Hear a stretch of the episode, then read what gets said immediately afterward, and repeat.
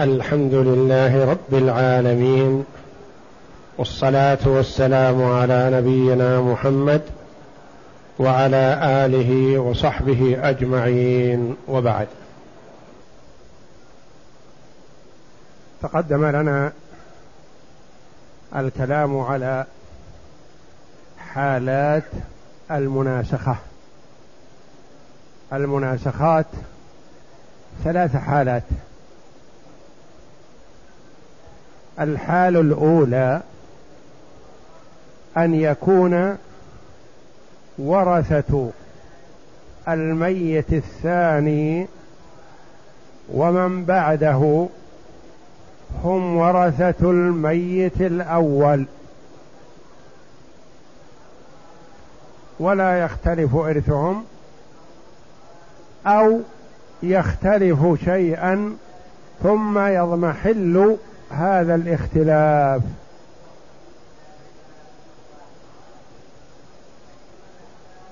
لا يختلف كأن يكونوا أبناء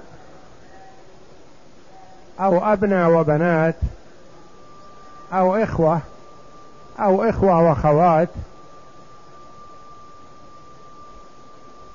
أو يكونوا أبناء ومعهم زوجة هي أمهم جميعا ثم تموت الزوجة التي هي أم البقية فلا يختلف ميراثهم حينئذ. فيكون حل المسألة من عدد رؤوس من بقي من الورثة. وهذه مسألة واضحة. جلية كأن يموت رجل عن خمسة بنين أو سبعة بنين أو عشرة بنين ثم يموت واحدا بعد الآخر وينحصر ميراث كل ميت في من بقي فقط. ولا يختلف إرثهم.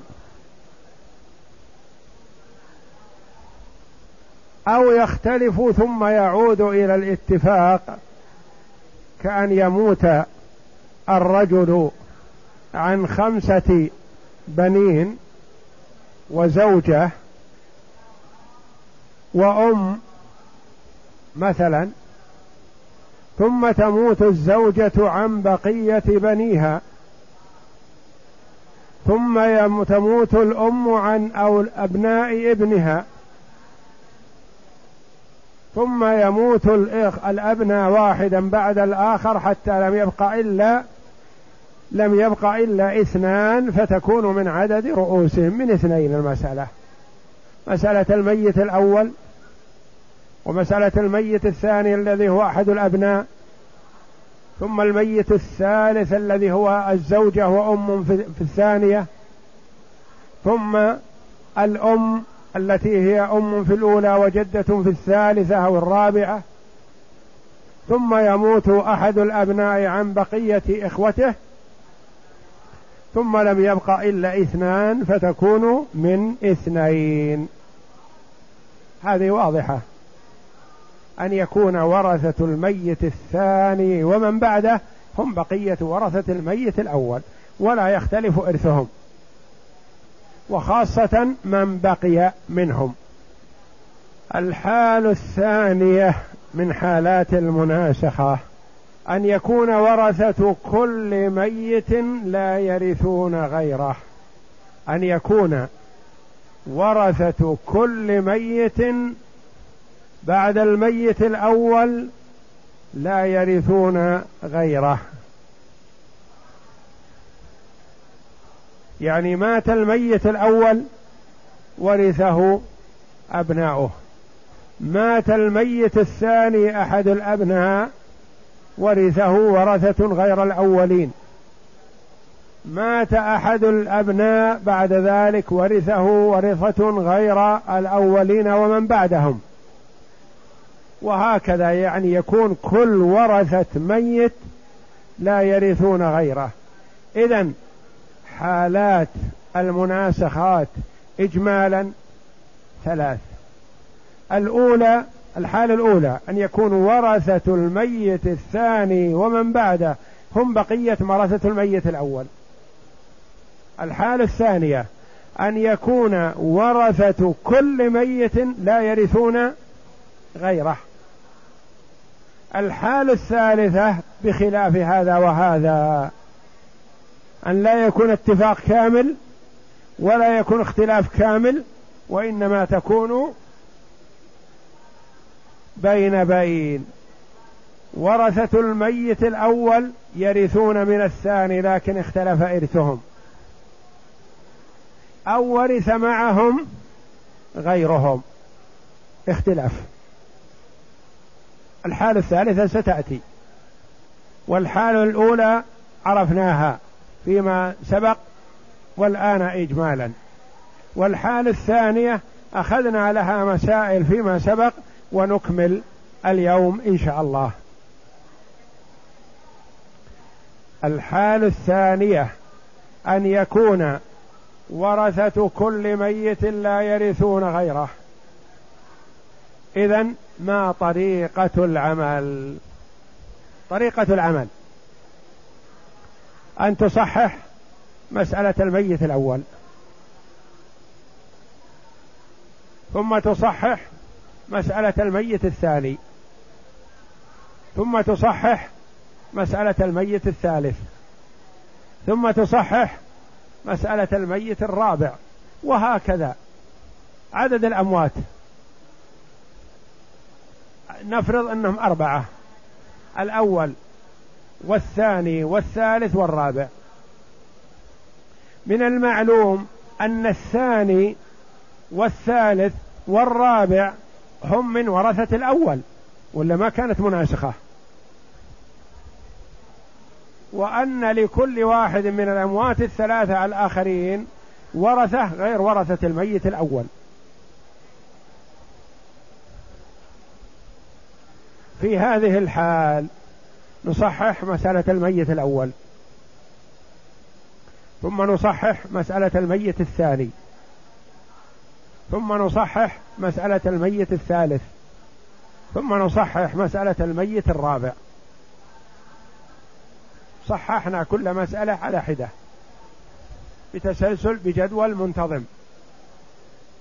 يجمع الجميع كما وضحه المؤلف رحمه الله. ثم إذا صححنا كل مسألة اجتمع عندنا الآن أربع مسائل مصححة.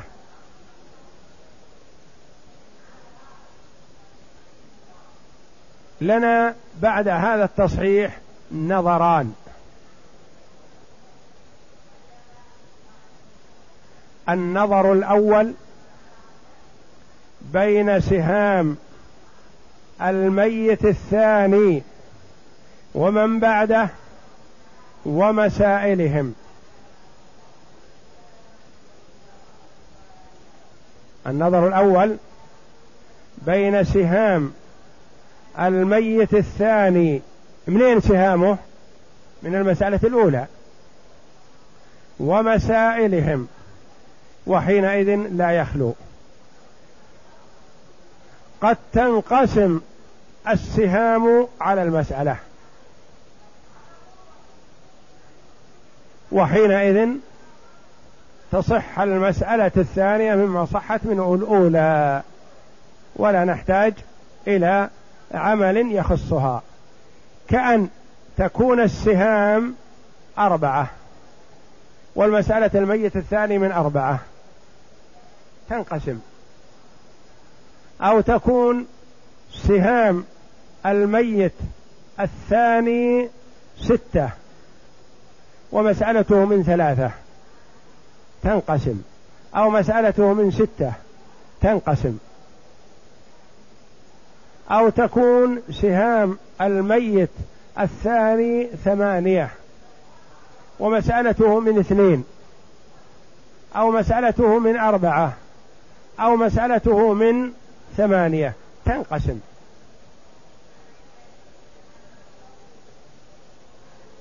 ثم ننظر بين سهام الميت الثالث ومسألته على غرار هذا.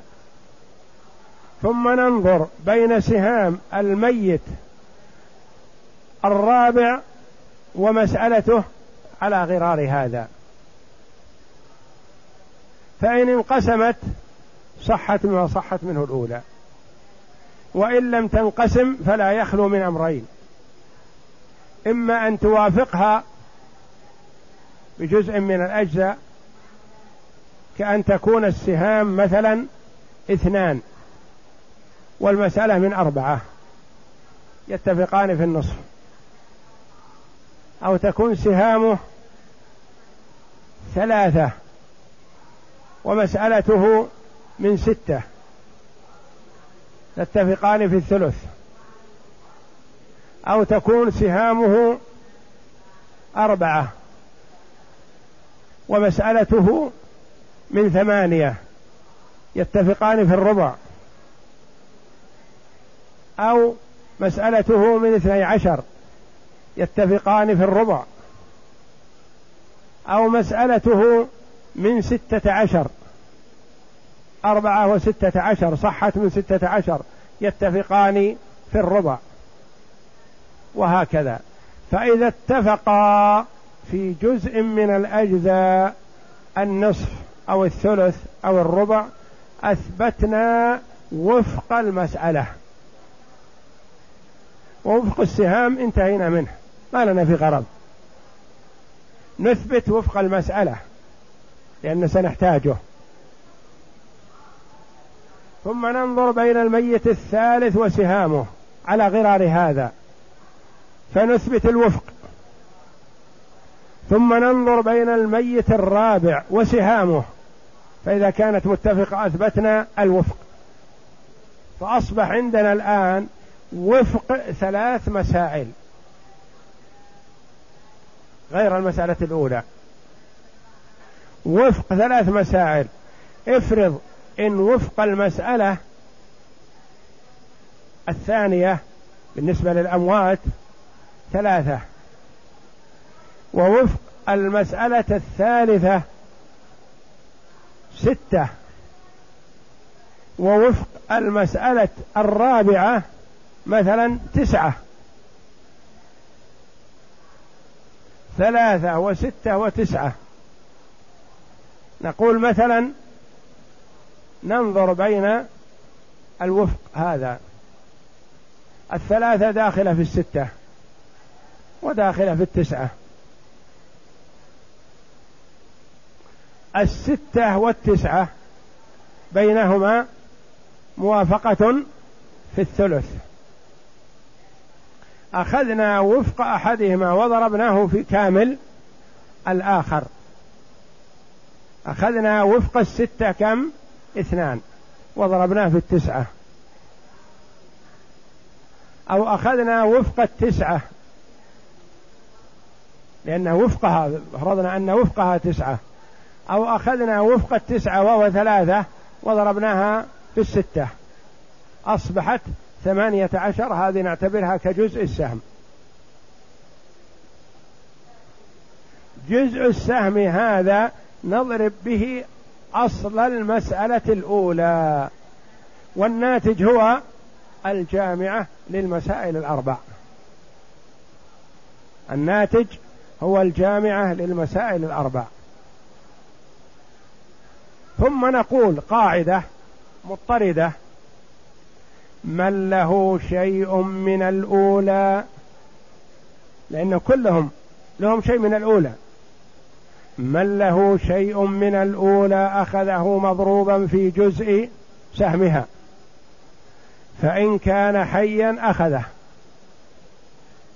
وإن كان ميتا قسم على مسألته. انتبه.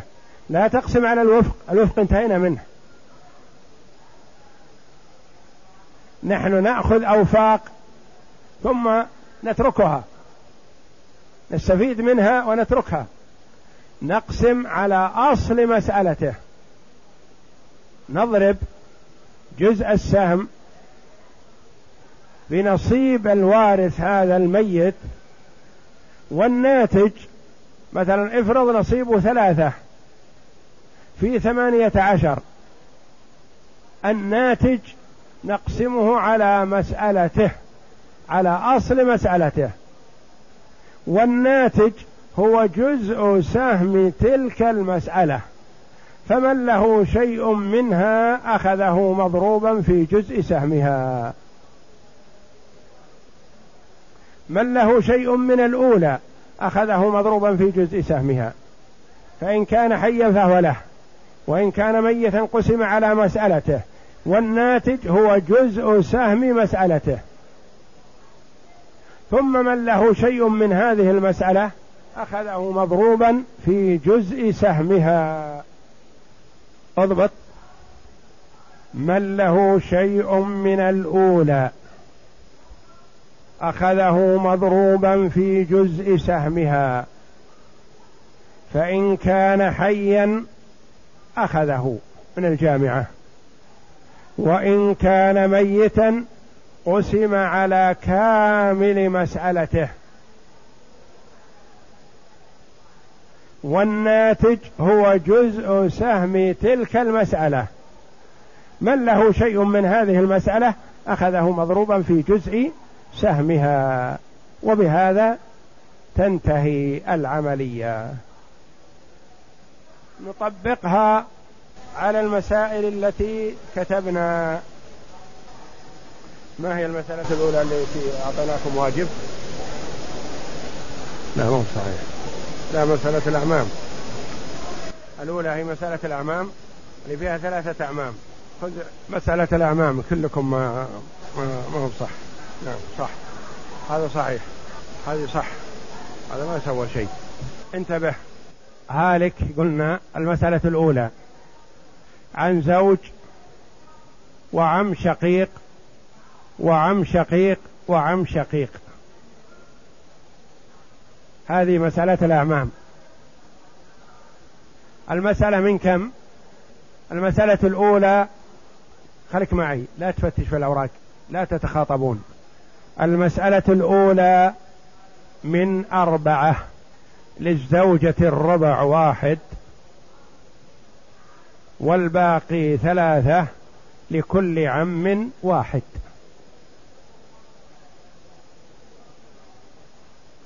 مسألة العم الأول مات عن ابنين من اثنين لكل واحد واحد.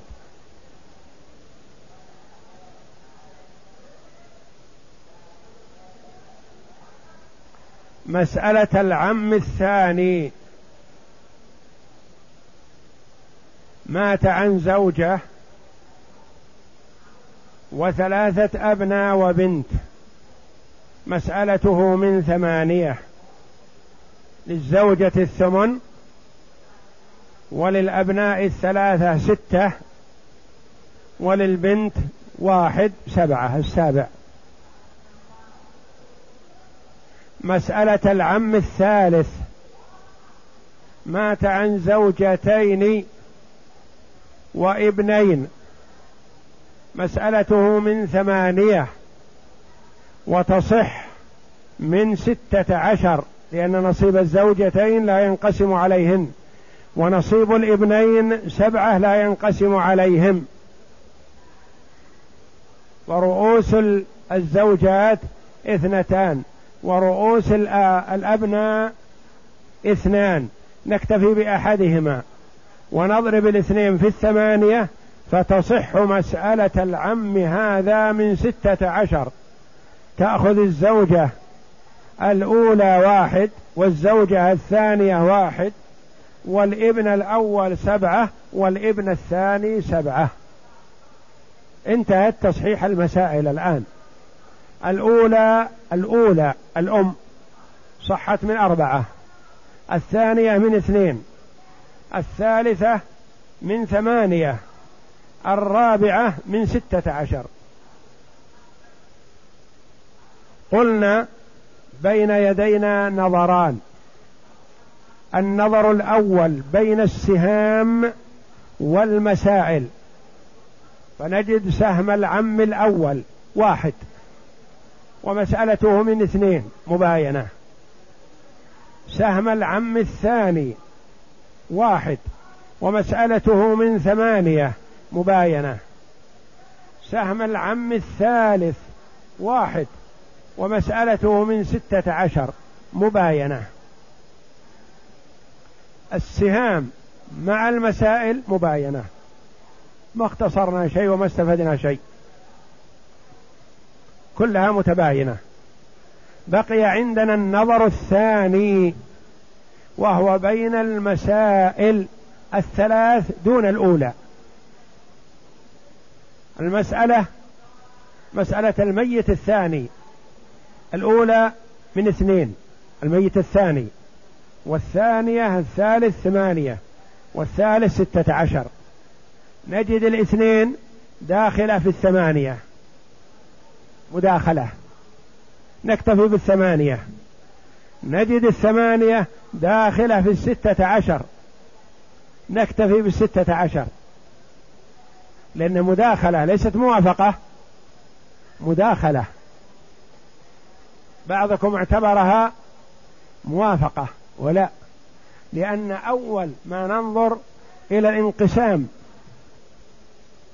في بين السهام والمسائل.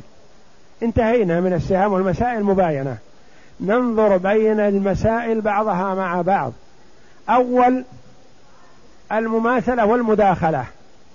إذا كانت متماثلة اكتفينا بواحد. إذا كانت مداخلة اكتفينا بالأكبر. ثم لم نجد إذا لم نجد مماثلة ولا مداخلة انتقلنا إلى الموافقة. فإذا لم نجد موافقة انتقلنا إلى المباينة. فوجدنا المسائل متداخلة. اثنين وثمانية وستة عشر. نكتفي بالأكبر. ستة عشر. ستة عشر أصبح بمثابة جزء السهم. نضربه في أصل المسألة الأولى أربعة. أربعة في ستة عشر. أربعة في ستة بأربعة وعشرين أربعة معنى اثنين.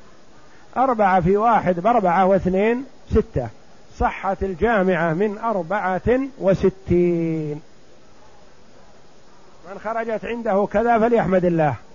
ومن خرجت عنده خلاف ذلك فلا يلوم إلا نفسه. لأنه ما انتبه. أربعة وستين. ثم نعود إلى قاعدتنا التي قلنا قبل قليل. من له شيء من الأولى أخذه مضروبا في جزء سهمها.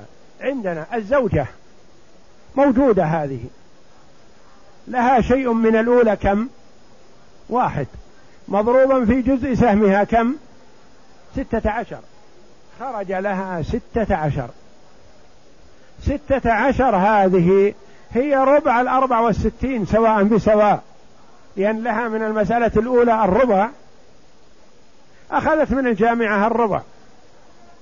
ما نقص حقها بتعدد الأموات؟ لأنهم لا يضرونها لا يهمها ماتوا أم حيوا هي لها الربع تأخذه. الربع واحد من أربعة أو اثنين من ثمانية أو أربعة من ستة عشر أو ستة عشر من أربعة وستين. هو هو. أربعة من ستة عشر الربع واحد من أربعة الربع ستة عشر من أربعة وستين الربع. لأن ستة عشر وستة عشر كم؟ اثنان وثلاثون. اثنان وثلاثون واثنان وثلاثون أربعة وستون. فلها الربع. قلنا من له شيء من الأولى؟ أخذه. مضروبا في جزء سهمها. فإن كان حيا كالزوجة أخذته. أخذت ستة عشر وانتهت. وإن كان ميتا كالعم الأول. انتبه. العم الأول له واحد من الأولى. مضروبا في جزء سهمها ستة عشر. كم يأخذ؟ ستة عشر. ماذا نعمل بهذه الستة عشر؟ هو في القبر رحمة الله عليه. إن كان مسلما ماذا نعمل بهذه الستة عشر؟ نقسمها على مسألته. نقسمها على كامل مسألته. ما يهمنا الوفق. الوفق انتهينا منه. قضينا به غرض وهو الاختصار لكن عند القسمة نقسم على أصل المسألة. فنقسم الستة عشر على اثنين. كم يخرج؟ ثمانية. وهو جزء سهم مسألة الميت الثاني. نعطي ورثته قبل أن نكمل ما يخالف. نقول ابنه هو خلف ابنين لكل واحد واحد. واحد مضروبا في كم؟ في ثمانية. فيأخذ ثمانية. والثاني له واحد مضروبا في كم؟ ثمانية يأخذ ثمانية.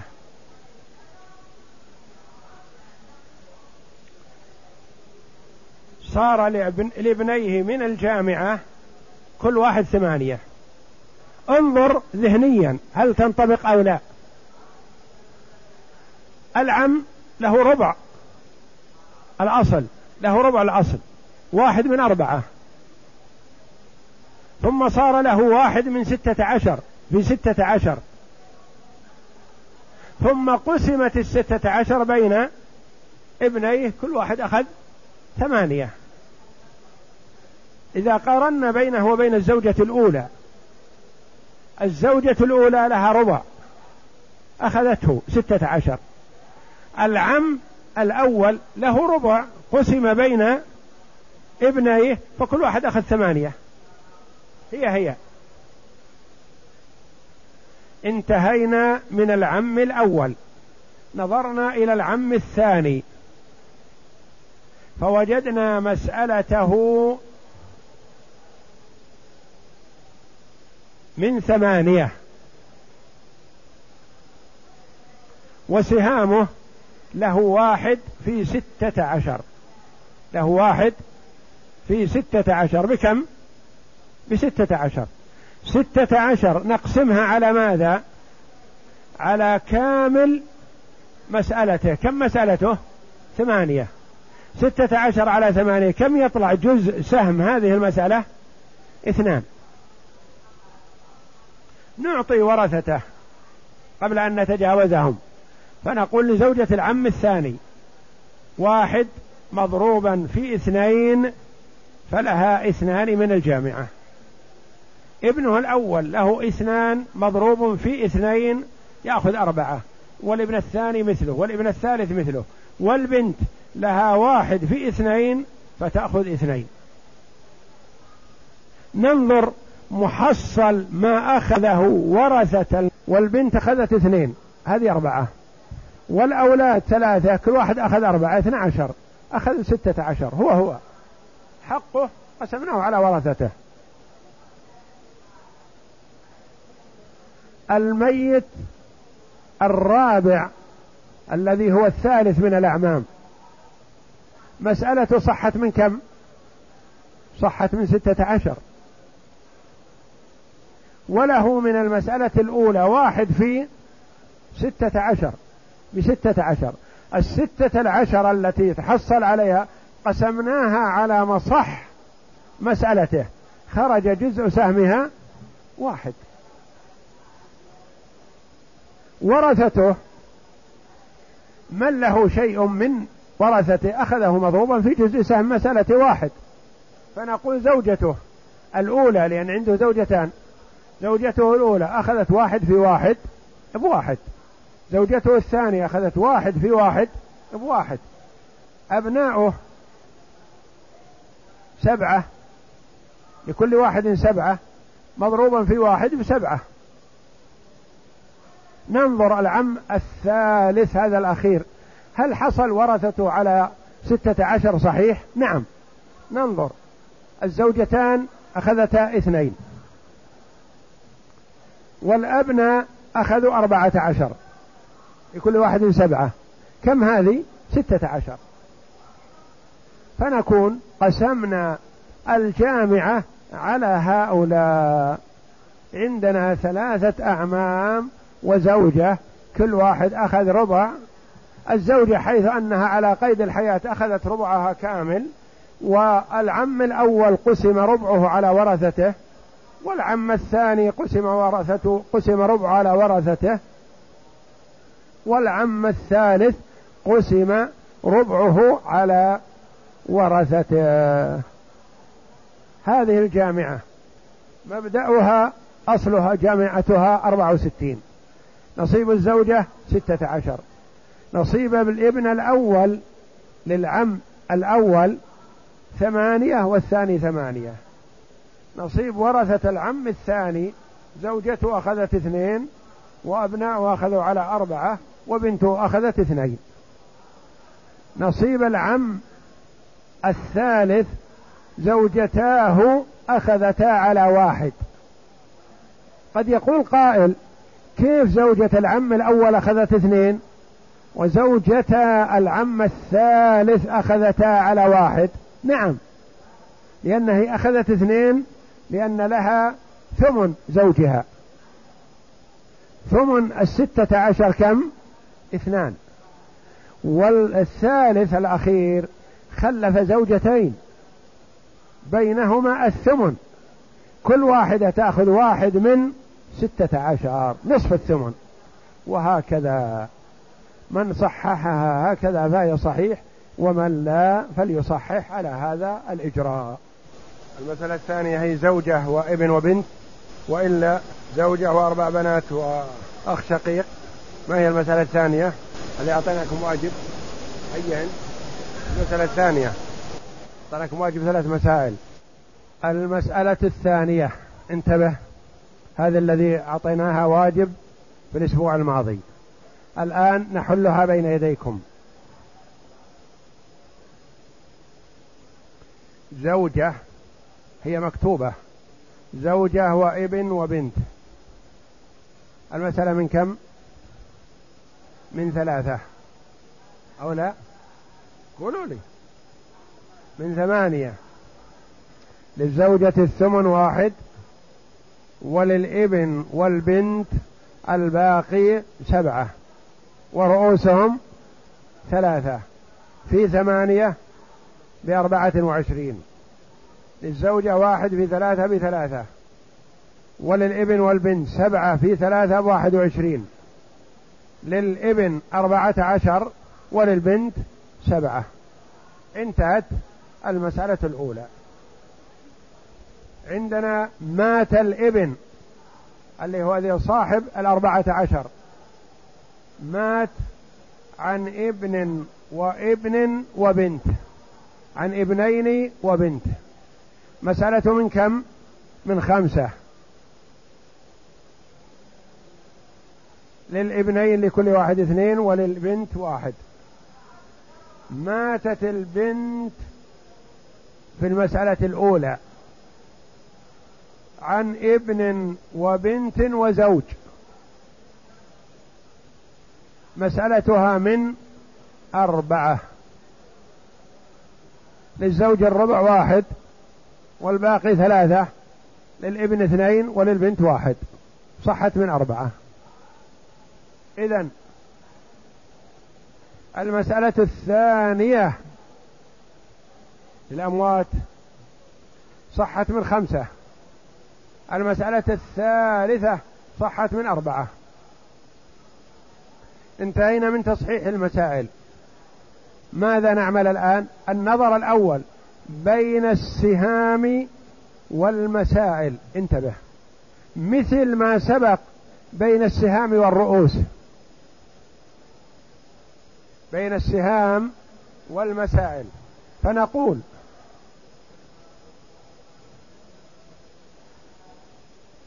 سهام الإبن أربعة عشر ومسألته من خمسة مباينة.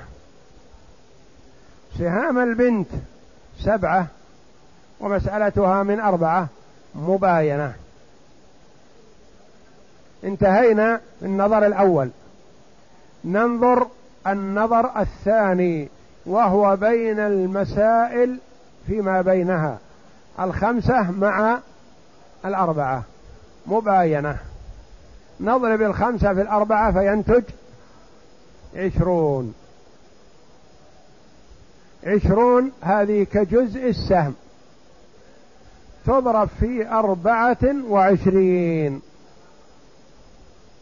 عشرون في أربعة وعشرين يخرج أربعمائة وثمانين. لأنك إذا قلت عشرين في عشرين بأربعمية وأربعة في عشرين بثمانين. أربعمائة وثمانون. أو قل عشرة في أربعة وعشرين بمائتين وأربعين. وعشرة في أربعة وعشرين بمائتين وأربعين. المجموع أربعمائة وثمانون وهذه هي الجامعة. ثمانون. مئة أربعمائة وثمانون. نعطيهم. انتبه. عندنا الزوجة لها كم؟ ثلاثة. في من يقول لي؟ في عشرين. بستين. انتهينا منها. الابن الأول الذي مات له أربعة عشر. في عشرين بمئتين وأربعين.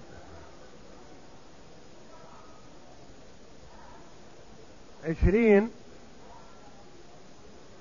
عشرة في بمئتين وثمانين. بمئتين وثمانين. لأن عشرين في أربعة عشر عشرة في أربعة عشر مئة وأربعين. وعشر أخرى في أربعة عشر مئة وأربعين. بمئتين وثمانين. مئتين وثمانين تقسم على ماذا؟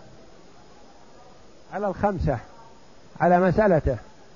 ينتج جزء سهمها ستة وخمسين. إذا قسمت مئتين وثمانين على خمسة نتج ستة وخمسون. وهذا جزء سهمها. أعط ورثته قبل أن تتجاوزهم. قل للإبن اثنين في ستة وخمسين بمئة واثنى عشر.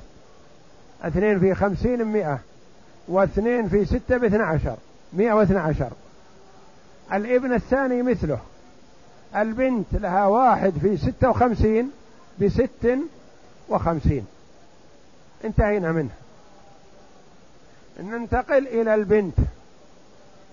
البنت سهامها سبعة في عشرين بمائة وأربعين.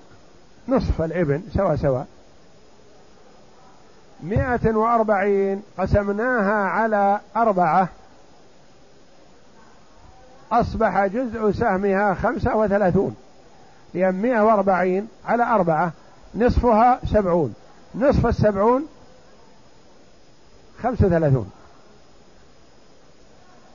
جزء سهم المسألة الأخيرة خمسة وثلاثون. الابن الأول له اثنان في خمسة وثلاثين بسبعين. البنت لها واحد في خمسة وثلاثين بخمسة وثلاثين. الزوج له واحد في خمس وثلاثين بخمس وثلاثين. نعود نقيس عملنا. إذا عددنا ما تحت الجامعة وجدناه مطابقا لها 480 هذه ناحية. الناحية الثانية إذا رجعنا للنسبة للزوجة من المسألة الأولى ثلاثة من أربعة وعشرين يعني ثمن. فجاءها من الجامعة ثمن الجامعة. إذا قسمت أربعمائة وثمانين على ست على على ثمانية خرج ستون. وهي الثمن. كذلك ورثة الابن الأول أتاهم أربع مئتان وثمانون. ورثة البنت نصيبهم مئة وأربعون على النصف من نصيب الابن. عندنا المسألة الثالثة والأخيرة من المسائل التي أعطيناكم إياها الأسبوع الماضي. زوجة وبنت وبنت وأخ لأب. بعض بعدين مات من مات منهم. بعض زملائكم تبرع وحسب الزوجة أم ولا يحق له ذلك. لأنه ما قيل له إنها أم. إذا كانت أم نص على هذا بل هي زوجة أب. فاختبط في المسألة وما ضبطها. لا تتبرع أنت بشيء.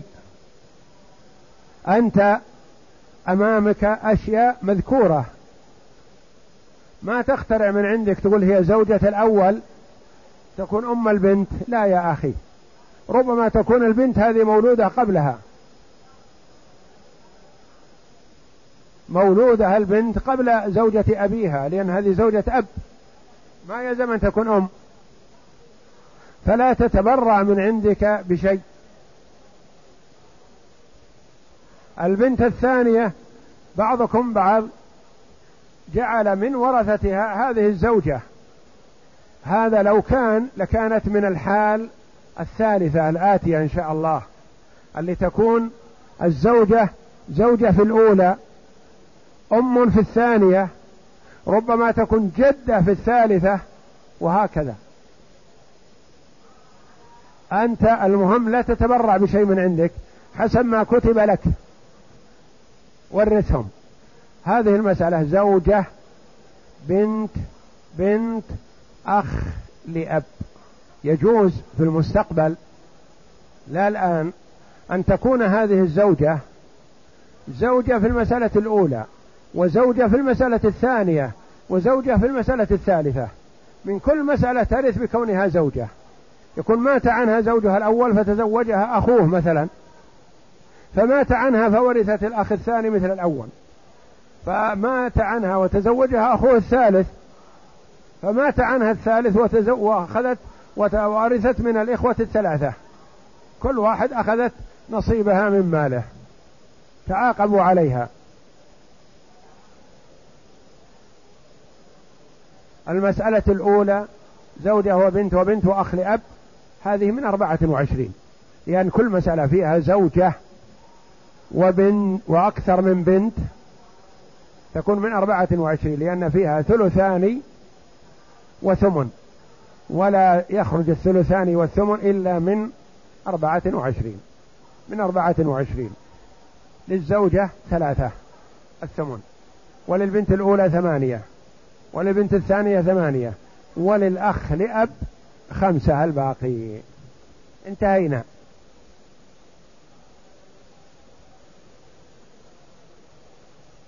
ماتت البنت الأولى. عن ابن ابن وبنت ابن.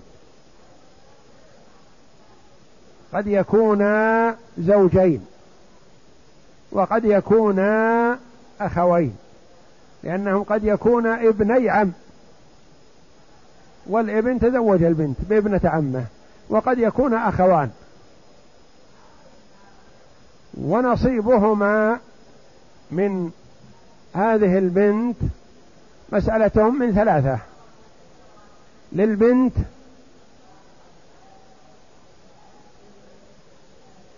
واحد وللابن اثنان. انتهت. مسألة الميت الأول. الثاني. المسألة البنت الثانية. ماتت عن ابن وبنت. هذا بلا شك خوان.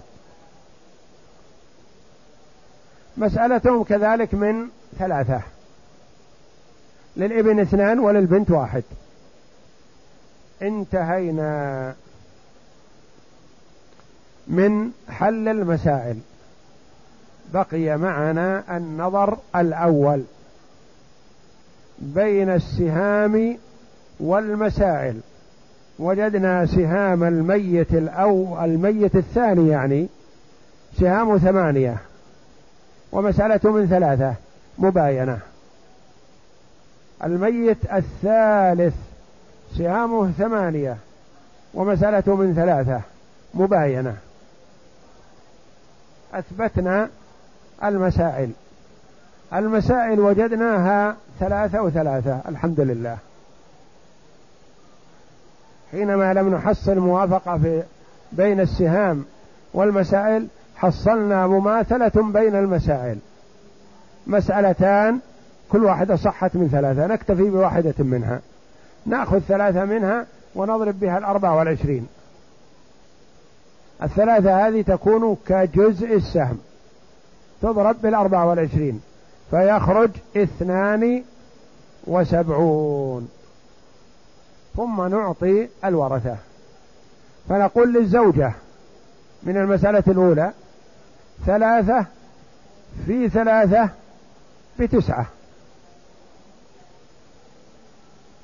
وللبنت الأولى ثمانية في ثلاثة بأربعة وعشرين تقسم على مسألتها ينتج ثمانية وهو جزء سهم مسألتها.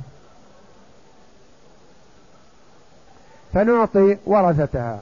فنقول لابن الابن اثنان في ثمانية بستة عشر. ولبنت الابن واحد في ثمانية بثمانية. ننتقل إلى الميت الثالث الذي هو البنت الثانية. سهامها ثمانية ومسألتها من ثلاثة. مباينة. طيب. سهامها لها ثمانية. مضروب في جزء السهم ثلاثة. كم نتج؟ أربعة وعشرين. مقسومة على الثلاثة. يكون جزء سهمها ثمانية. نعطي ورثتها. للإبن اثنان في ثمانية بستة عشر. وللبنت واحد في ثمانية بثمانية. رجعنا للأخ لأب لا ننساه. له من المسألة الأولى. خمسة في ثلاثة بخمسة عشر. واضح؟ خمسة بخمسة بثلاثة بخمسة عشر.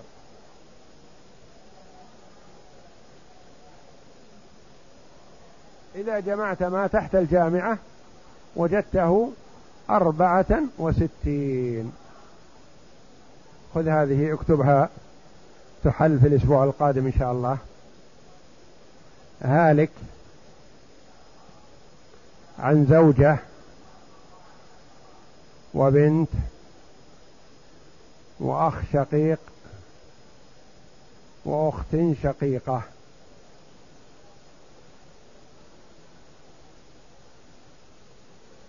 ثم مات الأخ الشقيق. عن زوجة وثلاث بنات وابنين. ثم ماتت البنت في المسألة الأولى عن زوج وابن وبنت. وأن الطالب يكتب في مرسمة مسودة ثم ينقلها بعد ذلك نقلا في دفتر مبيضة. أول مسودة من أجل الخطأ والشخط والتعديل وكذا. ثم ينقلها في الدفتر حتى إذا رجع إليها بعد فترة يجدها واضحة يستفيد منها. لكن إذا كان فيها أخطاء الآن وشخط ما يدري وش فائدة هذا الشخط. والله أعلم. وصلى الله وسلم وبارك على عبده ورسول نبينا محمد وعلى آله وصحبه أجمعين. يقول السائل هل مرتكب الكبائر مخلد في النار؟ إذا لم يتب ومات أثناء ارتكابه هذه الكبيرة هل هو مخلد في النار؟ قول إن صاحب الكبيرة إذا لم يتب منها مات عليها خالد مخلد في النار. هذا قول الخوارج وقول المعتزلة. ومذهب أهل السنة أن مرتكب الكبيرة لا يخلد في النار فهو إن تاب منها قبل الممات تاب الله عليه لأن التوبة تجب من كان قبلها. وإذا مات مصرا عليها فهو تحت المشيئة. إن شاء الله غفر له من أول وهلة وأدخله الجنة وإن شاء عذبه في النار ثم مآله إلى الجنة ما دام مات موحدا. فمرتكب الكبيرة مذهب أهل السنة والجماعة أنه لا يخلد في النار. يقول نعمل شرح معنى وفق المسألة. الوفق هو الذي يتفق مع السهام في شيء ما. مثلا السهام أربعة والمسألة من ستة عشر. ما هو وفق المسألة في هذه الحال؟ السهام أربعة لها ربع والمسألة لها ربع. ربع الستة عشر كم؟ أربعة هذا وفق المسألة. السهام أربعة والمسألة من ثمانية. يتفقان في الربع. ما هو؟